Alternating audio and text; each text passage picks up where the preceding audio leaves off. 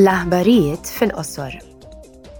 Il-Kumitat għall-Agrikoltura u l-Iżvilupp Rurali l-bieraħ kellu dibattitu mal-Kummissarju għall-Agrikoltura dwar l-impatt tal-inflazzjoni li dejjem qed tiżdied fuq il-baġit agrikulturali komuni u dwar tħassib fuq l-affordabilità tal-ikel u l-għalf fl-Ewropa. F'dibattitu separat, il-membri tal-Parlament Ewropew iddiskutew ukoll il-produzzjoni u l-esportazzjonijiet agrikulturali tal-Ukrajna. Din il-ġimgħa l-Parlament Ewropew se jippubblika r-riżultati sħaħ tal-istħarriġ tiegħu tal-Eurobarometru għall-2022 li twettaq bejn nofs Ottubru u l-bidu ta' Novembru. L-istħarriġ jiffoka fuq it-ħassib u l-appoġġ ta' ċittadini tal-Unjoni Ewropea għall-Unjoni.